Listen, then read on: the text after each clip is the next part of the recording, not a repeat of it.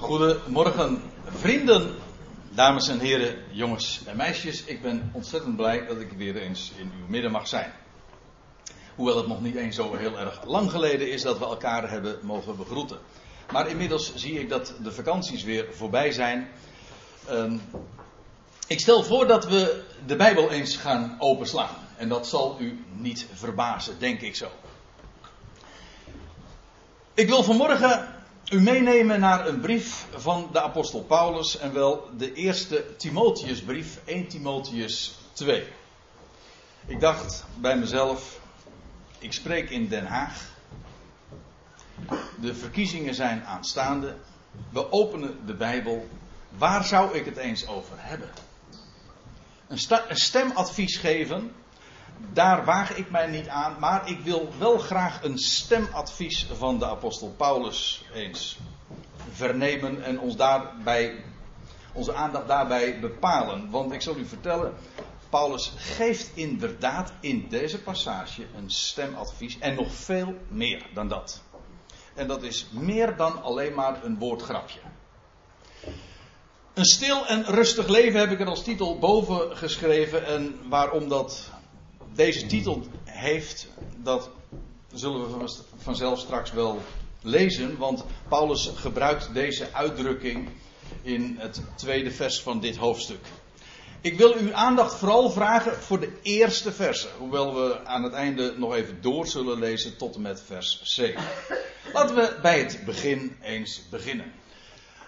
Dan staat daar in vers 1, inmiddels is daar dus al een hoofdstuk gepasseerd, dat Paulus schrijft: Ik vermaan u dan allereerst. En ik heb het woord vermaan even onderstreept, omdat ik daar toch even een korte toelichting bij wil maken. Waarom? Omdat dat woord bij ons de klank heeft van ja, een waarschuwing. Ik vermaan u. dan, als we daar een beeld bij oproepen, dan is dat dat vingertje, dat wijsvingertje. Ik vermaan u. Maar als ik u nou vertel dat dat woord elders wordt weergegeven. Een, een bekend voorbeeld is 1 Thessalonicense 4, waar Paulus gesproken heeft over de, de verwachting, over de Heer tegemoet gaan in de lucht. En dan zegt hij aan het einde van dat vers, of van dat hoofdstuk, als u een statenvertaling hebt en vertroost elkaar dan met deze woorden. Als u een NBG-vertaling hebt, dan staat er, vermaan elkaar met deze woorden. Of is het precies omgekeerd? Nou, uh, ja, nou in ieder geval, uh, dat verschil is heel duidelijk. Het ene vertaling zegt, vertroost elkaar met deze woorden. En de andere vertaling zegt, vermaan elkaar met deze woorden. Ik van, maar dat is toch iets heel anders. Maar in beide gevallen is daar sprake van dit Griekse woord, parakaleo.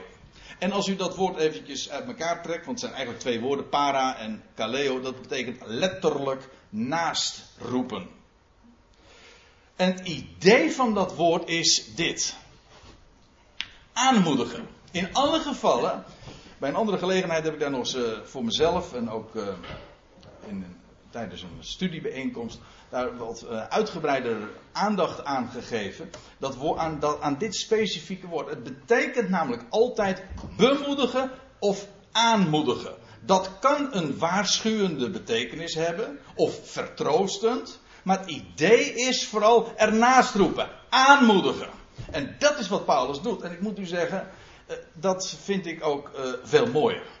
Het past ook altijd, sowieso, die betekenis in alle voorkomens. Dat is één ding. Maar bovendien, dat, uh, dat hele idee, en ik weet wel dat veel christenen zijn daar ook mee behept en hebben ook die reputatie. Weet je wel, waar zijn de christenen bekend om? En ja, ik moet er ook meteen aan denken wat er de afgelopen week weer is gebeurd. Ook in verband met Den Haag, ook in verband met de politiek, in verband met de christelijke politiek. Hè, dat, dat, dat daar zoveel opwinding is. Waarom? Omdat altijd die christenen toch maar weer zo vermanen.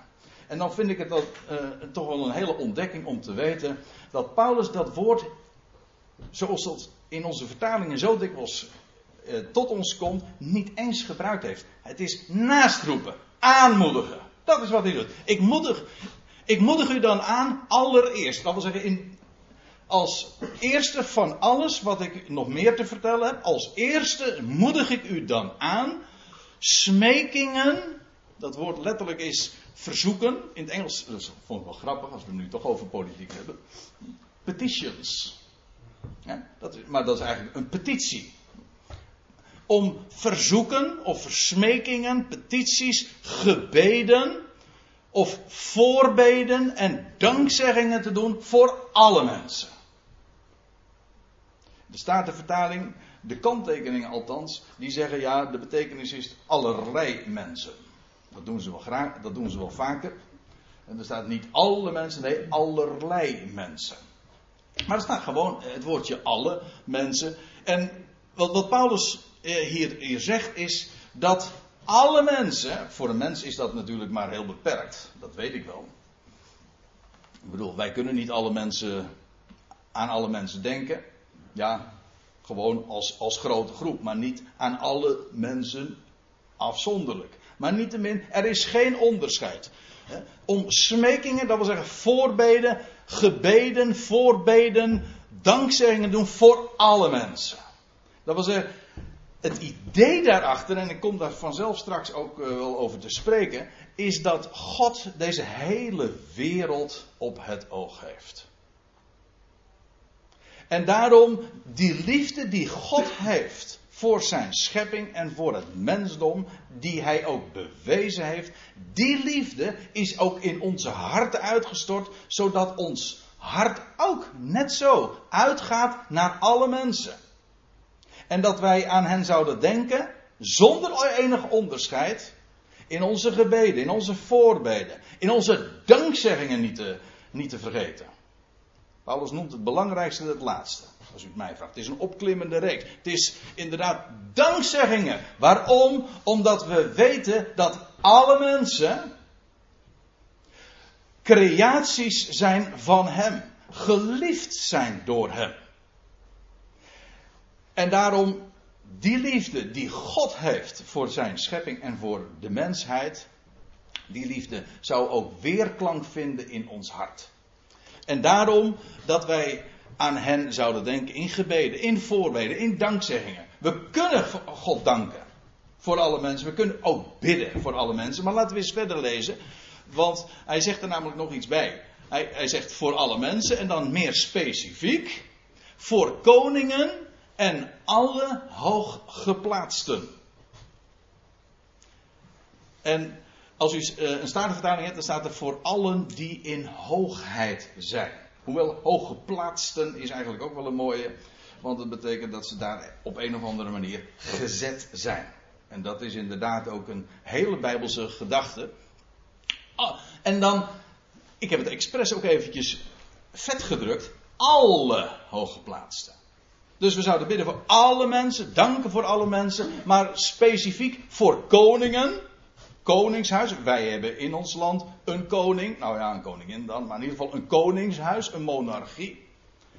Maar, Paulus haast zich erbij te zeggen dat het geen verschil maakt of dat nou koningen betreft. Het zou net zo goed presidenten of ministers of premiers of magistraten, superieuren Mensen gewoon die in hoogheid zijn, die hoger staan dan u en ik. Dat wil zeggen in elk geval die in een positie van hoogheid geplaatst zijn. Ik weet niet in wat, wat voor publiek ik nu allemaal voor me heb. Misschien zijn er ook wel mensen bij die in hoogheid gezeten zijn. Maar het idee is. Laat ik een ander vers noemen. Romeinen 13, dat is een, een heel belangwekkende in dit geval. Daar staat, laat, ik heb het meteen even weergegeven zoals het er precies staat. Want uh, zowel de NBG als de Statenvertaling maken nogal wat ja, concessies, als u het mij vraagt. Dus ik heb meteen maar uh, goed weergegeven. Met uh, excuses voor de arrogantie die daarin wellicht doorklinkt. Maar goed. Laat, Paulus schrijft, laat iedere ziel, niet, er staat niet eens in moeten, heb je weer, nee, in de vertaling staat wel, iedere ziel moet. Nee, laat iedere ziel ondergeschikt zijn aan de autoriteiten die boven hem staan. Opmerkelijk, ik zeg dat er eens even bij, want het wordt wel eens een keer door elkaar gehaald. Men, men zegt dan van dat we de overheden altijd, ten alle tijde gehoorzaam zouden zijn. Maar ik heb dat niet terug kunnen vinden in de Bijbel. Natuurlijk, gehoorzaamheid vloeit in principe voort uit ondergeschiktheid. Kijk, het verschil is dit. Een ondergeschikte is iemand die uh, onder iemand staat die ja, onder een autoriteit. En een, een, een houding van onderschikking wil zeggen dat je de ander als je meerdere erkent. Zelfs als je bepaalde dingen die opgedragen worden niet kunt doen. Daarmee kan een, is je gehoorzaamheid begrensd. Dat wil zeggen, bepaalde dingen kun je domweg niet doen. En kun je niet houden. Moet meteen denken aan uh, wat ooit Luther zei. Die ook voor de Rijksdag moest uh, verschijnen. En die op een gegeven ogenblik zei de beroemde woorden. Al of niet historisch. Hier sta ik. Ik kan niet anders. Hij kon niet, geen gehoor geven in dit geval aan, aan dat wat van hem gevraagd of wat hem opgedragen werd. Maar daarmee veranderde niets aan zijn positie van onderschikking. Hij erkende de, zijn superieuren, al, ook al kon hij in een specifiek geval niet hun opdracht volvoeren. Dat is een heel groot en belangrijk verschil. Als u het hier leest in Romeinen 13, maar hetzelfde verhaal is in Titus 3, vers 1, maar ook uh, in de andere brieven, zul je datzelfde vinden. Dat daar opgeroepen wordt om je te onderschikken. De ander, de superieuren te erkennen. Elke superieur. Staat hier ook, hè? Alle die in hoogheid zijn. Of alle hooggeplaatsten. Wij hoeven ons geen zorgen te maken over hoe ze daar gekomen zijn door eerlijke verkiezingen, of doordat ze de macht hebben gegrepen, of hebben ze wel, eh, is de bloedlijn wel zuiver? Ik zeg nu even, ik geef dit voorbeeld omdat ik onlangs nog een artikel las waarin betoogd werd dat het hele het koningshuis dat wij hebben hier in Nederland helemaal niet legaal is en dat koningin Beatrix uh, een onzuivere bloedlijn vertegenwoordigt. Nou ja, uh, dat soort dingen. Kortom, het Huis van Oranje, dat is een illegaal koningshuis. Dat was het idee. Maar dank hoeven we ons daar totaal geen zorgen over te maken. Het idee is, het zijn superieuren. Ongeacht hoe ze daar gekomen zijn. Democratisch of, of op een oneerlijke wijze. Of zelfs ongeacht wie het is en hoe ze hun macht gebruiken.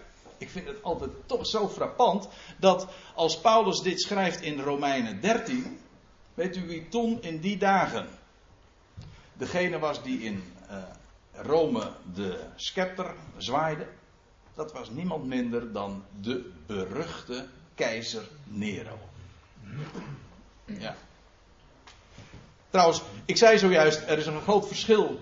Een, een, ja, groot, maar misschien ook wat subtiel verschil tussen een houding van onderschikking. Dat wij altijd zouden aannemen als gelovigen. En gehoorzaamheid, dat inderdaad soms beperkt is. Dat is niet absoluut, dat is relatief. Paulus is zelf daar een voorbeeld van. Paulus lees je uh, in de tweede Timotheusbrief, in hoofdstuk 2, dat hij zegt: Ik, uh, ik, ben, een misda ik ben gevangen, een, een, misdadiger in ketenen. Dat wil zeggen, hij werd eigenlijk aangerekend, hij is per slotverrekening, ook al was hij een Romeins staatsburger, is hij als crimineel is hij geëxecuteerd. Dus Paulus kon ook niet altijd gehoorzaam zijn. Daarom, daarom droeg hij ketenen. En het is hem uiteindelijk ook. Heeft hem zijn dood gekost. Of nee, niet zijn dood gekost. Het heeft zijn leven gekost. Ja. Hij, hij is uh, omgebracht. Ik bedoel dit te zeggen. Paulus was niet altijd gehoorzaam. Maar hij, zijn houding en zijn boodschap was volstrekt helder. Laat iedere ziel ondergeschikt zijn aan de autoriteiten die boven hem staan. Want, zegt hij, er is geen autoriteit dan onder God. Er staat niet door God. Er staat hier trouwens ook niet. In uw vertaling uh, wel, maar er staat gewoon in het Grieks, letterlijk. Er is geen autoriteit dan onder God. En die er zijn, zijn onder God gesteld. Kan niet missen. God is uiteraard degene, de bron van alle autoriteit, maar hij draagt het over, hij delegeert het. Dat is ook eigenlijk wat dat woord betekent. Volmacht. Hij delegeert het aan mensen. En, en ook de overheden, en die dragen een zwaard. En die zouden ook belasting heffen. Altijd meer natuurlijk hm, dan ons lief is, maar daar gaat het helemaal niet om. Trouwens, Romeinen 13 laat ook zien, geeft eer aan wie eer toekomt. Dat wil zeggen, in deze context, degene die boven je staan. Betaalt tol En belasting aan wie dat gegeven zou worden. Geen enkel verschil. De vraag is helemaal niet wat de overheid ermee doet. Of ze dat op een rechtmatige wijze invult. Want daar hebben we allemaal zo onze mening over. En Paulus passeert zulke vragen en zulke kwesties, zulke strijdpunten. Waar de verkiezingen natuurlijk altijd weer over gaan. Hoe moet het geld besteed worden? Hoeveel geld mag er ge, geïnd en geheven worden van de burgers? Al dat soort vragen. Paulus, uh, je leest nooit in zijn brieven dat Paulus oproept tot activiteit of, tot verzet of om de handen ineen te slaan. Trouwens, als minderheid uh, was dat een absurde gedachte ook. En bovendien, hij had wel wat anders aan zijn hoofd. Hij had een missie. Hij was een ambassadeur. Even teruggekomen op deze tekst. Uh, te bidden en dankzeggingen te doen voor koningen en alle hoge plaatsen. Nogmaals, alle hoge plaatsen. Zij zijn in een positie van autoriteit en zij zijn onder God gesteld. Heel simpel. En wij schikken ons daar gewoon onder. Waarbij ik het woord schikken ook wel erg leuk vind. Want schikken wil gewoon zeggen, je past je aan. Misschien is het niet leuk. Misschien zou je heel andere personages daar uh, verwachten of uh, daar zien. Maar dat maakt geen verschil. Wij schikken, wij schikken ons gewoon. Waarbij inderdaad het woordje schik inderdaad ook nog heel leuk dubbelzinnig is. In Nederlands gaat dat grapje natuurlijk alleen maar op. Dat wil zeggen, wij maken ons daar geen zorgen over. Wij lachen daar gewoon op. Ja, ik bedoel, natuurlijk mensen, laten we wel wezen. Je kunt natuurlijk, politiek is een heftig onderwerp met zoveel emoties. En wij als gelovigen, ja, dat wil zeggen, ik bedoel, je leeft in geloof. Je weet, er is één God. En hij delegeert macht. En wij als gelovigen erkennen dat. En geen enkel overheidspersoon kan verder gaan dan God wil. En hij beschikt dat. Dat is, ook, dat is ook wel mooi. Hij beschikt dat. Er zit ook weer dat schik in. Hij is de beschikker. En wij schikken ons. En als het mensen betreft of instanties zijn die boven ons staan, dan onderschikken wij ons. Ja. Er is geen autoriteit dan onder God. En vandaar ook voor bidden en dankzeggingen doen voor alle hoge plaatsen. En of nou uh, de heer Rutte premier wordt, of het zou straks uh, Emiel Roemer worden, of uh, Jolande Sap, of Pechtold, het maakt me niet uit. Nou ja, u zegt, maakt het je niet uit, heb je geen voorkeur? Ik zeg, nou, eerlijk gezegd, nee. Maar goed, dat is mijn, mijn privé mening, daar gaat het helemaal niet om. Maar het punt is, het maakt voor ons als geloof in de praktijk geen verschil. Het zijn ook mensen die in hoogheid gezeten zijn. En wij geven hen daarvoor de eer. En dat niet alleen, wij bidden ook voor hen.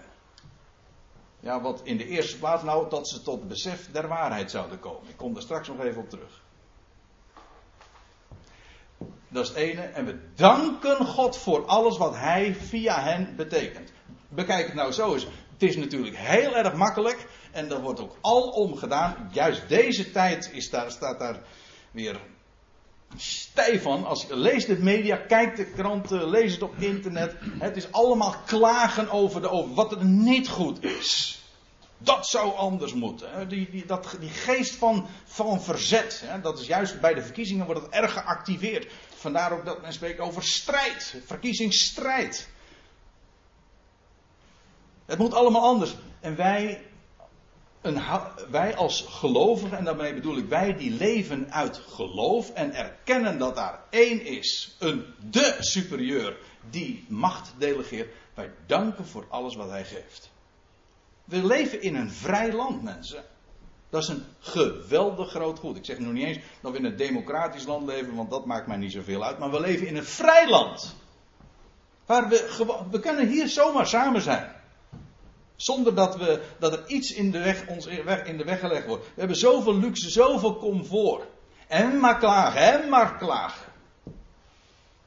Terwijl we zo, ik bedoel gewoon ook nu naar de huidige omstandigheden en in vergelijking met zoveel andere elders in de wereld, we zijn steen en steenrijk en als we je dat enigszins zouden beseffen, zou je doodschamen als je ooit nog een klacht eigenlijk uit naar de overheden. Dat, het valt me wel eens een keertje op als je het hebt eh, met, met buitenlanders, vooral andere, die afkomstig zijn van andere continenten. En als je het dan hebt over bijvoorbeeld de wachtlijsten, ik noem maar wat. Hè, ehm, bij, uh, in, bij medische instanties. Het is toch een schande. En dan als je zulke dingen, verhalen dan vertelt aan mensen die uit Afrika komen, dan lachen ze je in je gezicht uit. Wees blij dat er ziekenhuizen zijn, zeg. En dat er al zoveel betaald wordt. Ik bedoel, we zijn zo bevoorrecht, maar daardoor ook vaak zo verwend. Nou ja, dat zijn zomaar van die gedachten die dan bij mij opkomen als ik hier aan denk. Bidden en dankzeggingen doen voor koningen en alle hooggeplaatsten. En nou komt het. Opdat wij. Hou even de context vast, want ik zit nu iedere keer wel in te zoomen op een deel van een vers, maar dan zou het zomaar kunnen gebeuren dat de context je omgaat. Paulus zegt dus: smekingen, gebeden, voorbeden en dankzeggingen te doen voor alle mensen. Voor koningen en allen, alle hooggeplaatsten opdat wij, en nou komt het, een stil en rustig leven mogen leiden. Wat in de eerste plaats te maken heeft met de houding van ons. Ik weet wel, het is in de praktijk heel vaak uitgelegd van ja, dat wij zouden bidden dat wij met rust gelaten zouden worden. En dat wij vrijheid krijgen, maar in de hele context is dat niet de gedachte. Trouwens, die woorden stil en rustig duiden dat ook niet aan. Het gaat er niet om over wat ons aan ons gegeven wordt, dat wij hier vrij mogen samenkomen. Zoals gezegd, dat is een groot voorrecht, daar danken we God ook voor. Maar het gaat erom dat wij onze stem verheffen. Ja, inderdaad, dat is, is stemadvies. Wij gebruiken onze stem, ik bedoel, eh, voorbeden, dankzeggingen. Dat is onze dat is stem. En Paulus' stemadvies ik bedoel dus heel letterlijk, Paulus' stemadvies is dat we onze stem zouden richten tot God. En zouden bidden voor allen die in hoogheid zijn. Om het daar nu even toe te beperken. En danken voor hen. Waarom? Als je dat doet, dan heb je een stil en rustig leven. En dat stil en rustig, dat staat natuurlijk in schril contrast bij wat er in de wereld gewoon, ja, wat in de wereld gewoon is, ja. Want daar is een geest van verzet hè, en van vechten en van protest en van kabaal maken en van onrust. Dat wordt juist ook enorm gevoed gedurende zulke tijden, trouwens altijd. Politiek. Ik las van de week een artikel van een, een christenpublicist, een, een Nederlander. En die riep op om vooral toch maar politiek actief te gaan worden. Hij zegt eigen, en, en toen had hij specifiek over christelijke politiek. En toen zei hij, de, het startpunt van christelijke politiek, dat is, citeer vrijwel letterlijk, je kwaad maken over de wereld zoals die nu is. Nou, hij ging dat vervolgens uh, toelichten. Hij liet zien ja, dat is niet zo moeilijk om dan voorbeelden te gaan bedenken, want de lijst kan oneindig lang gemaakt worden. Hoeveel onrecht er in deze wereld is. We leven in een boze aion, ja. Waar zoveel onrecht, waar zoveel leugen is. Niet in het minst ook bij degenen die in hoogheid gezeten zijn. Want u weet, macht corrumpeert ook. Dat wil zeggen, het maakt, macht maakt de mens ook vaak uh, verdorven. Dat geldt niet alleen voor macht in politieke zin, maar ook in maatschappelijke zin. Wat dacht u van in economische zin? Als je economische macht hebt, de volle portemonnee, veel op je bankrekening, dat geeft macht allemaal. En dat corrumpeert, dat maakt de mensen meestal niet beter op. Dat is het. En dan zou eigenlijk christelijke politiek, wij zouden ons daarover kwaad maken en dan, ja, dan, en ons gaan, onze, ons gaan verenigen als, als christenen en een vuist maken. En ik moet u zeggen, het staat zo in contrast met zoals Paulus daarover spreekt. Paulus zegt, wij danken. Voor hen die, voor allen die in hoogheid gezeten zijn. Ongeacht wie het is.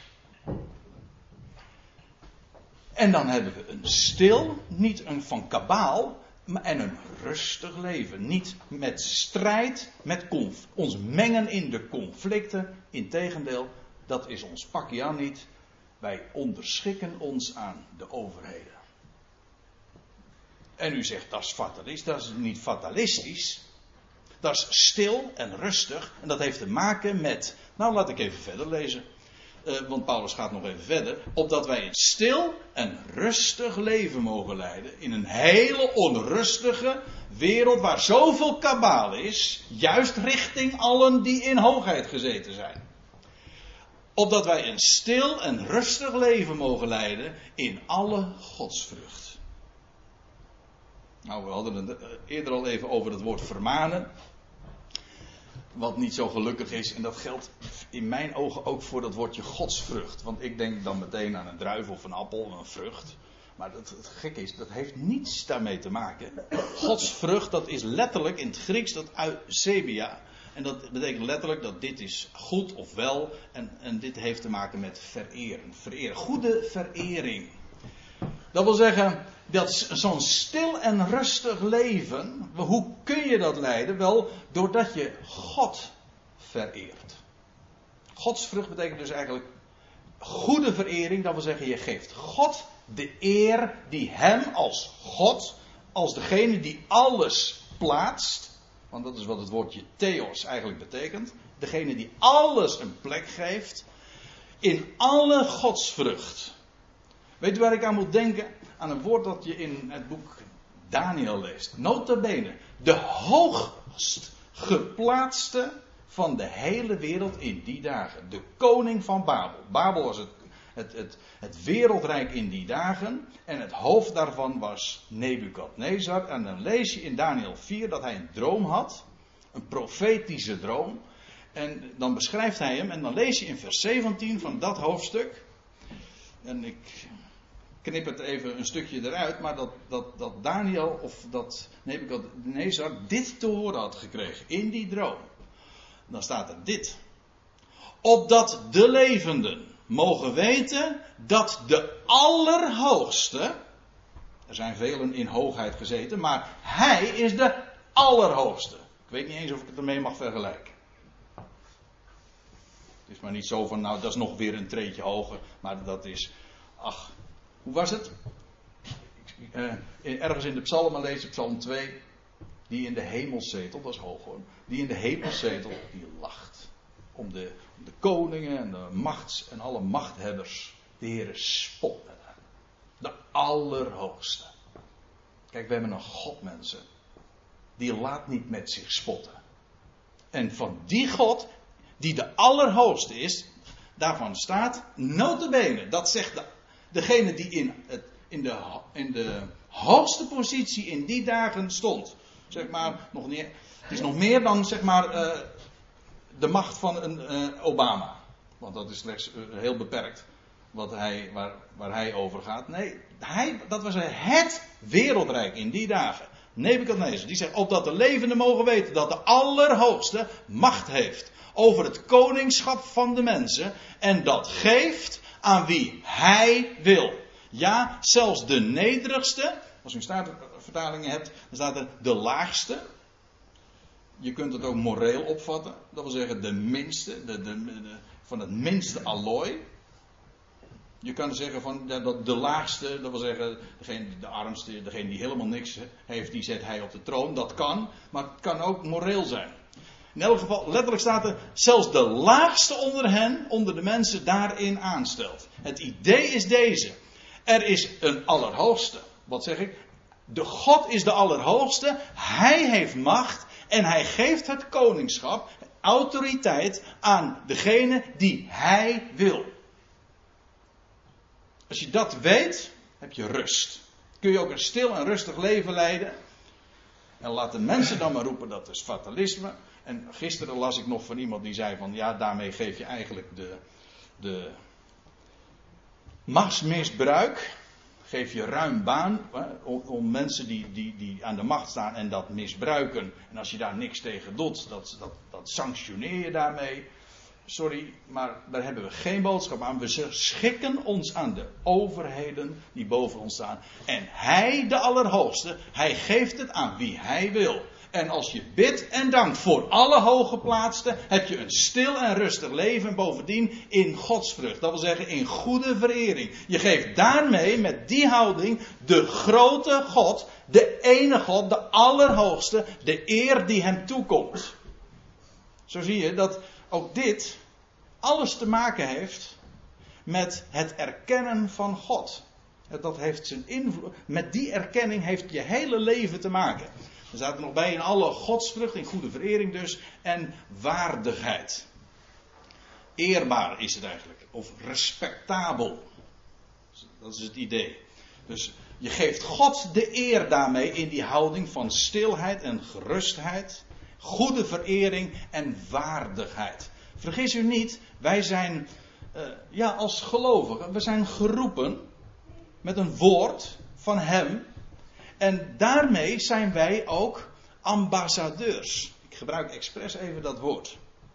Paulus noemt zichzelf twee keer zo. In 2 Korinthe 5 en Efeze 6 zegt hij: Ik ben een ambassadeur. Een gezant staat er in onze vertaling, maar dat is een ambassadeur. Weet u wat een ambassadeur is? Dat is iemand die een koninkrijk in den vreemde vertegenwoordigt. Bijvoorbeeld een ambassadeur van Saoedi-Arabië. Is het een goed voorbeeld, weet ik even niet.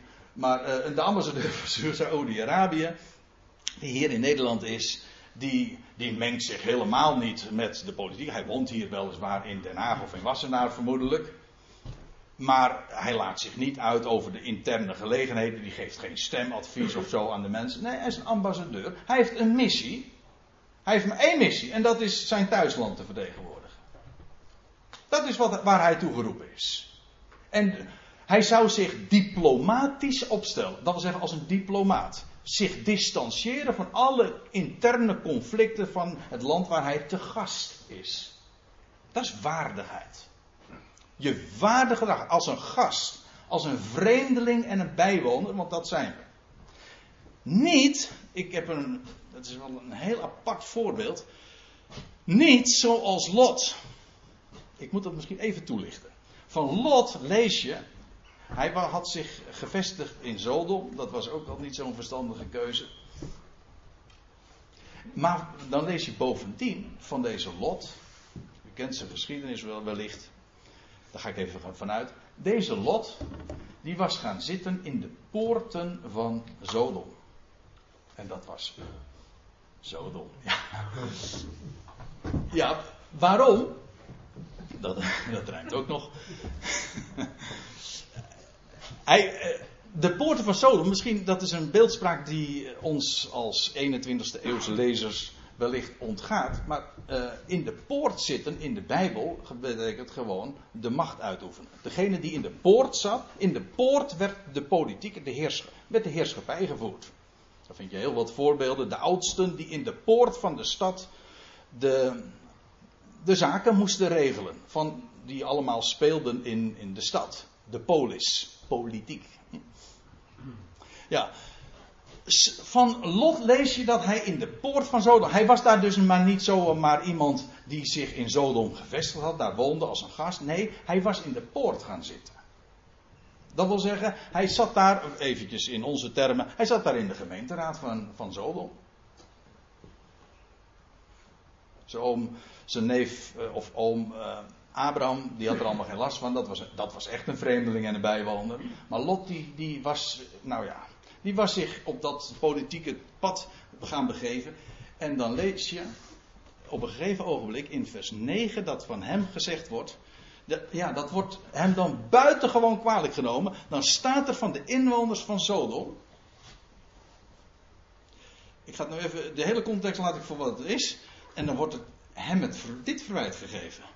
Deze ene, Lot, is als vreemdeling komen vertoeven. Dat wil zeggen, hij is helemaal geen zodommer.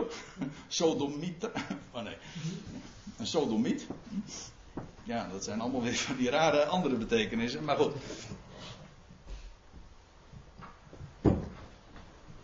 Deze ene is als vreemdeling komen vertoeven. En, als, en dan worden ze boos om ons geheel en al de wet te stellen. Hij zat daar in de poort en hij wilde invloed uitoefenen. Hij wilde Sodom waarschijnlijk beter maken. Maar het eind van het liedje was dat niet Sodom beter werd, maar Lot werd er alleen maar slechter van. Dus precies omgekeerd. En Lot dacht, eh, je leest ergens in het Nieuwe Testament dat Job zijn rechtvaardige ziel dagelijks kwelde. Maar dat is natuurlijk heel vroom. Maar hij had het helemaal niet hoeven doen. Hij had zich die moeite kunnen besparen. Want hij was daar als vreemdeling om vertoeven en hij wilde daar inderdaad de wet gaan stellen. En dat, werd, en dat riep zoveel agressie op. Hij, was geen, hij gedroeg zich daar ook niet als een gast. En waarom zeg ik dat nu? Omdat ik datzelfde zie. We hebben het, nou ik zinspeelde er zo al even eerder in deze toespraak op. We hebben dat deze week ook weer waargenomen als het dan gaat over christelijke politiek. Die hele kwestie rond Kees van der Staaij die een uh, misschien niet al te slimme of diplomatieke opmerking maakte over, uh, nou dat ging in dit geval over uh, de kans op zwangerschap na een verkrachting. Nou, het was een, een, in wezen een kleine verspreking. Het was misschien niet helemaal correct wat hij daarover gezegd had. Maar de media zijn over hem heen gebuiteld. Het was, het was een interview die op televisie was uitgezonden. En meteen de, de kranten stonden er vol van. En er is enorm, is daar zoveel agressie kwam daar vrij. Gewoon om een bepaalde opmerking van een, een, een, een Kamerlid, in dit geval een, een, een, man van de SGP, maar dat is nu tevens ook de verklaring. Uh, en, en er werden er boze opmerkingen gemaakt, echt de meest afschuwelijke. Waarom, waarom Van der Staaij zelf niet geaborteerd was. Zulke opmerkingen. Notabene politici die dat zeiden. En dat kan dan allemaal wel. Maar een Kamerlid die dan zich een beetje verspreekt over de kans op zwangerschap na een verkrachting. Daar, de wereld was te klein. Maar weet u wat er eigenlijk achter zit? Dat was niet de kwestie aan zich. Dat was de agressie die loskomt vanwege een vreemdeling, een kleine minderheid, die ons, de wereld, wil gaan betuttelen en meent te moeten gaan vertellen wat wij moeten doen. Die willen dat wij de zondagen uh, eerbiedigen en de zwembaden gesloten houden en dat soort dingen. Of het homohuwelijk tegenhouden, nou wat zijn dat soort ethische kwesties. Ons de wet willen gaan stellen. En dat roept zoveel agressie op. En men zegt dan van ja, in de christelijke politiek, dan, wordt, dan worden onze belangen behartigd. Dan denk ik, is dat A nodig? Maar B, het tegendeel eh, realiseert men zich kennelijk niet. Want het gaat, waar het toe uitwerkt, is dikwijls juist in plaats van dat het goodwill geeft, roept het zoveel wrevel op. En komen de christenen daardoor juist helemaal niet uh, er beter op te staan, of komen helemaal niet, uh, krijgen daardoor geen sympathie van de overheden of van de wereld. Maar ze als vreemdeling, als kleine minderheid wil men de wereld de wet, de wet stellen. Het is niet het evangelie dat dan verzet oproept bij de wereld, maar het idee dat een, een kleine minderheid aan het volk de wet wil gaan stellen. Want ik denk wel eens een keertje, hoorde ik het evangelie maar eens een keertje van zulke mensen. Maar dat hoor ik nooit. Ik hoor altijd, het is altijd weer dat vermanende vingertje. Dit mag niet en dat mag niet. En we moeten de wereld de wet stellen. Ja, dat roept agressie op. Maar dat, het, dat er één God is. Die alles plaatst. En dat we een stil en gerust leven. Dat hoor ik bijna niet. Als ik zeg bijna. Dan uh, ben ik bang dat ik uh, nog te veel zeg. ja. Goed. In alle. Er staat dus. Uh, opdat we een stil en rustig leven mogen leiden in alle goede verering en waardigheid als ambassadeurs in den vreemde, als gasten. En dan staat er nog bij, en nu ga ik echt, uh, moet ik wat sneller gaan, maar dat moet ik er toch bij zeggen, want Paulus motiveert het. Dit is goed, zegt hij. Dit is goed. Zo'n stil en rustig leven in goede verering en waardigheid. Dit is goed. En aangenaam voor God, onze heiland. Dat wil zeggen, oh, heiland betekent gewoon onze redder. En dan staat erachter, die wil dat alle mensen behouden. Dat wil zeggen, gered worden. en tot erkentenis der waarheid komen. Erkentenis, dat Griekse woord is epignosis, heb je weer, dat betekent eigenlijk dat wat boven kennen of boven weten uitgaat. Dat betekent besef. Het is, niet, het is meer dan alleen maar weten, maar dat mensen de waarheid zouden gaan beseffen. Welke waarheid? Nou, deze waarheid, dat God, onze redder, dat God, onze redder, wil dat alle mensen gered worden.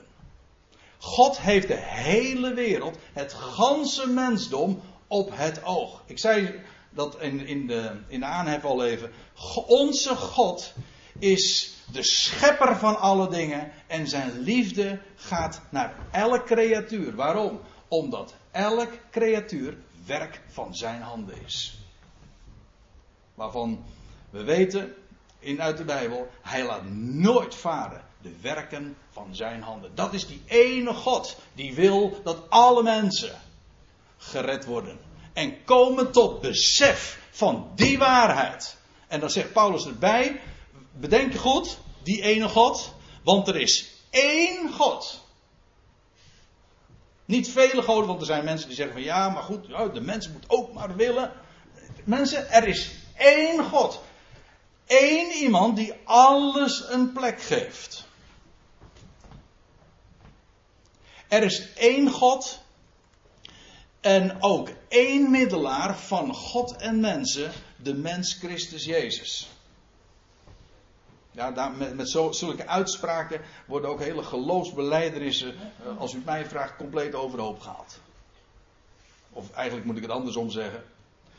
Geloofsbeleiderissen van mensen later, die hebben overhoop gehaald dat wat Paulus zo duidelijk heeft gezegd. Er is één God. En één middelaar van God en mensen. De mens, Christus Jezus. Sorry, zo zegt de Bijbel dat. Zo zegt Paulus dat. Eén God. Eén iemand die alles een plek geeft. Van wie we zingen in een lied.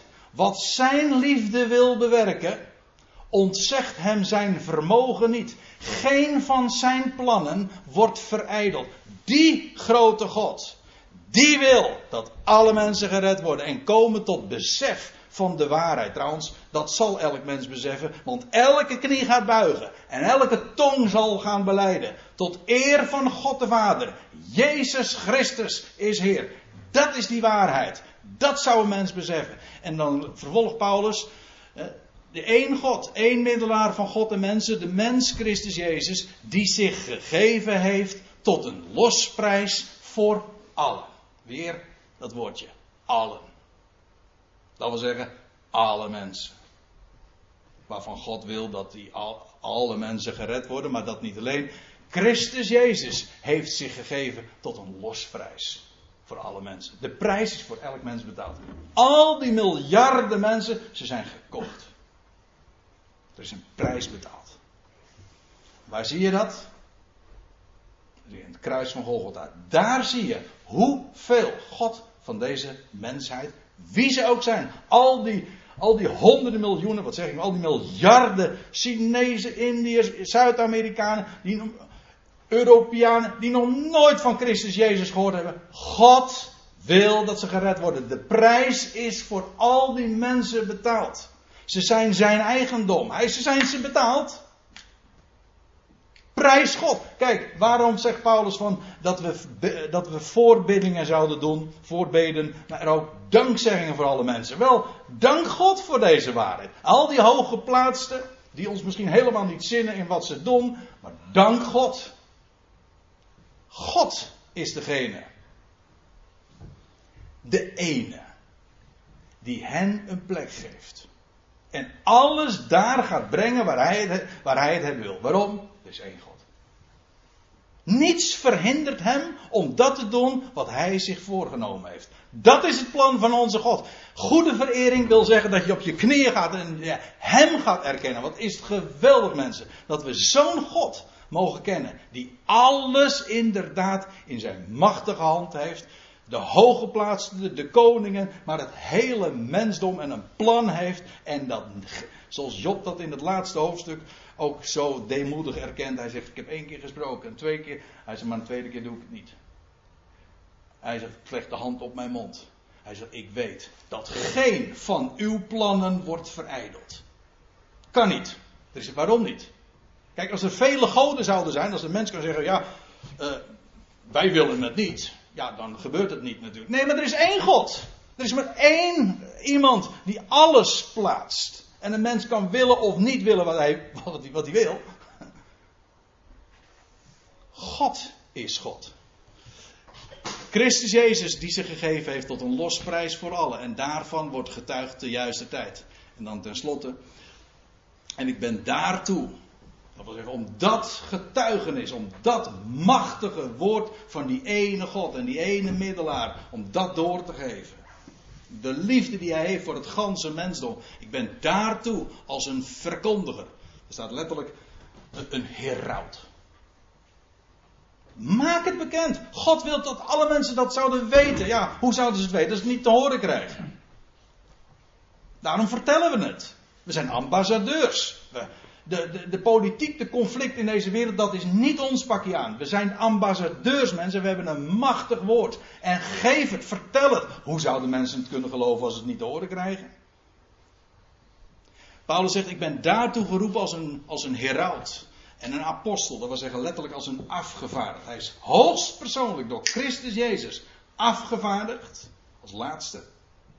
Om dat machtige bericht door te geven ben daartoe als apostel gesteld. Hij zegt erbij: Ik spreek waarheid, geen leugen. Met andere woorden, hij onderstreept het nog eens. Dit is het. Niet anders. Dit is de waarheid.